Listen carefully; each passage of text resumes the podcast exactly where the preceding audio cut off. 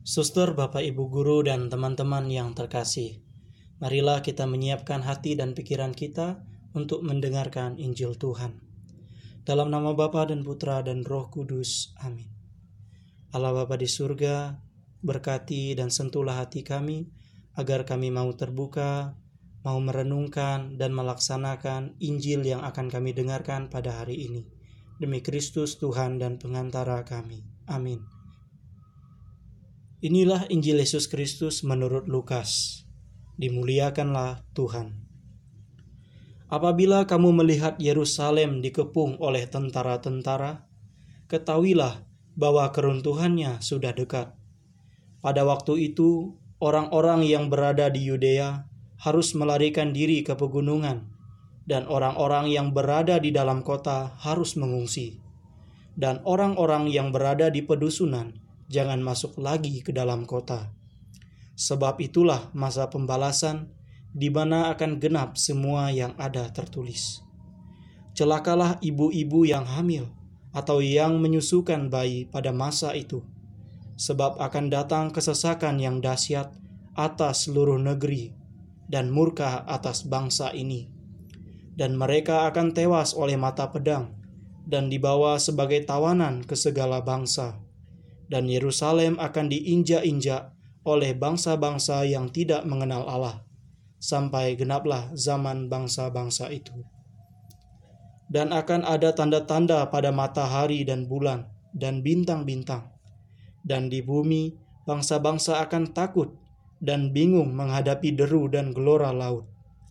Orang akan mati ketakutan karena kecemasan berhubung dengan segala apa yang menimpa bumi ini sebab kuasa-kuasa langit akan goncang. Pada waktu itu, orang akan melihat Anak Manusia datang dalam awan dengan segala kekuasaan dan kemuliaannya.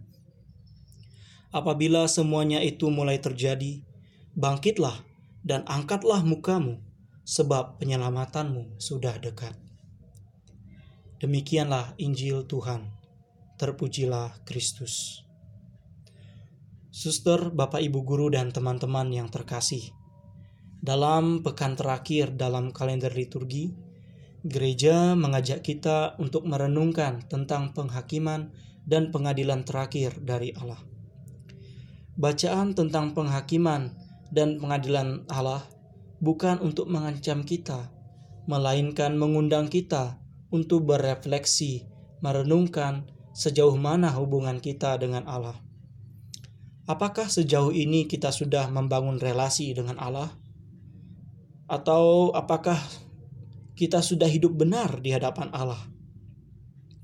Saudara-saudari yang terkasih, Allah yang adalah kasih menghendaki kita untuk hidup berdampingan secara benar, damai, saling menolong, dan penuh kasih.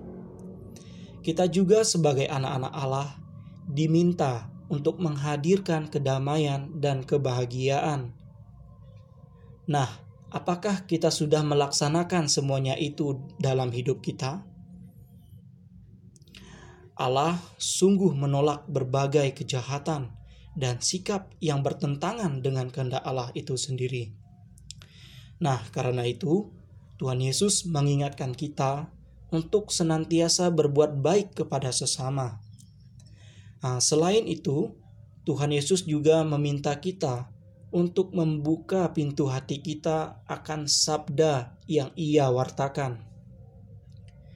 Sebab keterbukaan kita pada sabda Yesus menghasilkan buah-buah iman, pengharapan, kasih, kesabaran, ketekunan, sukacita, dan keselamatan. Nah, Sudahkah kita terbuka pada sabda Tuhan Yesus? Dan sudahkah kita berbuat baik pada hari ini?